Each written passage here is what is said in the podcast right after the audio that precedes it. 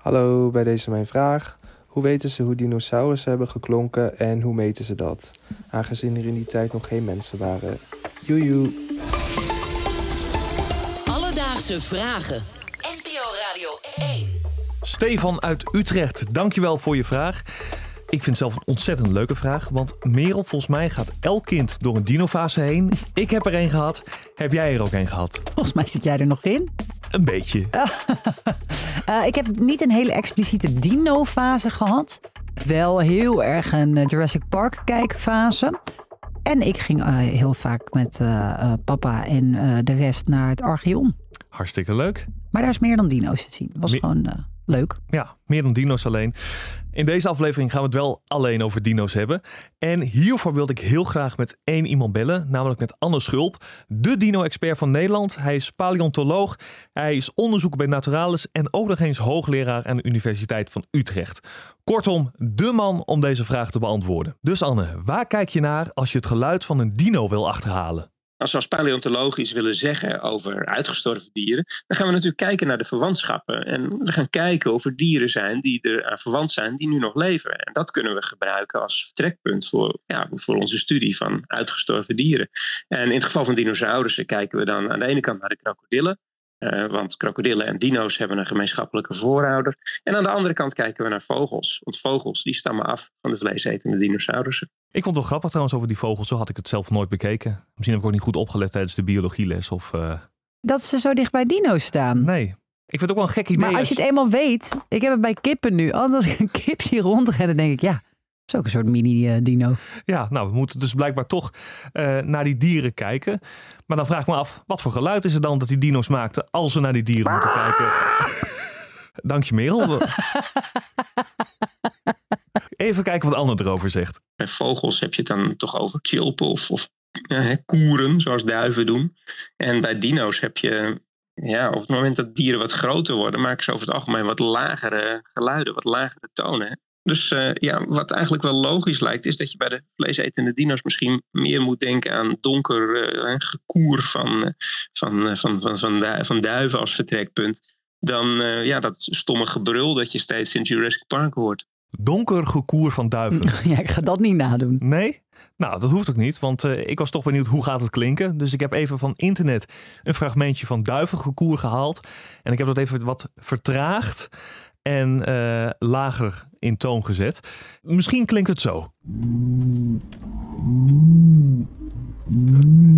Oh ja, daar kan ik me toch wel. Ja, mijn fantasie gaat wel aan. Ja, hè? Ja. Oké, okay, ik ben nu met je eng. nu wordt het veel hoor. Alledaagse vragen. Merel, we gaan eventjes door uh, op die dinofilm die Anne net noemde, maar die jij ook in het begin eventjes noemde. Jurassic Park. Jurassic Park. Ik merk wel dat dino-mensen vaak altijd uh, een beetje vurig worden van Jurassic Park. Ja, nou, ik vond het vroeger een fantastische film. Maar ik ontdekte dus laatst dat er van alles mis is. Nou, dat zal het zijn. En dat er geen hout van klopt. Ik was verbaasd. Ik dacht van, nou, dit is een, een hele kinderdroom in een hele kinderdroom uiteengespat. Maar goed, het, het klopt dus blijkbaar helemaal niks van. En iemand die daar meer over kan vertellen is podcastmaker Gijs Rademaker. Hij maakt samen met Maarten van Rossum de Dinokast. Superleuk. En ze zijn deze ooit gaan maken omdat er steeds meer bekend wordt over dino's. En het beeld dat we er eigenlijk van hebben, dus helemaal niet meer klopt. Hmm. En er is dus ontzettend veel mis met die film. En hij kan in ieder geval één mooi voorbeeld uitlichten. In Jurassic Park 1 zie je de Dilophosaurus. Nou, dat is een kleine dinosaurus die op een gegeven moment in de film een grote kraag opzet rond, rond zijn nek. dat is een afschrikwekkend effect. Dat is hartstikke leuk uh, in de film. Je schrikt je helemaal het leplazerus. Maar daar klopt helemaal niets van. Er is geen enkel bewijs dat die kraag ooit bestaan heeft. Dat vonden de filmmakers gewoon een leuk idee. En het beest spuugt vervolgens ook nog eens grote vuistdikke kloors gif in het gezicht van een arme uh, speler in Jurassic Park. En dieren spugen helemaal niet zulke grote klodderschrift. Dat bestaat helemaal niet. En er is ook wederom geen enkel bewijs dat die Dilophosaurus zulke uh, gifklieren en gifspuitmogelijkheden had. Kortom, jouw beeld van dinosaurussen is bepaald door Jurassic Park. En daar klopt helemaal niets van. Die dieren die zagen er totaal anders uit. Ze bewogen anders. En ze brulden al helemaal niet zo hard als je denkt. Ik denk dat jij uh, je moet aanmelden als stemacteur voor de volgende Jurassic Park. Dus Stefan, om antwoord te geven op je vraag: hoe weten we hoe dino's klonken? Nou ja, volgens paleontoloog Anne moeten we vooral kijken naar de dieren die van de dino's afstammen.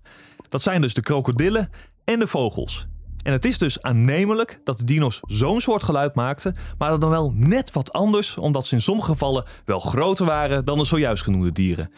Wel is het zo dat ze in ieder geval niet brulden zoals in Jurassic Park. Heb jij ook nog een vraag? Stuur ons dan een berichtje op Instagram naar Alledaagse Vragen. Of stuur een mailtje naar alledaagsvragen.radio1.nl en dan zoeken we het voor je uit. Dat was Merel die zei dat je ook vijf sterren moet geven. Dus doe dat vooral.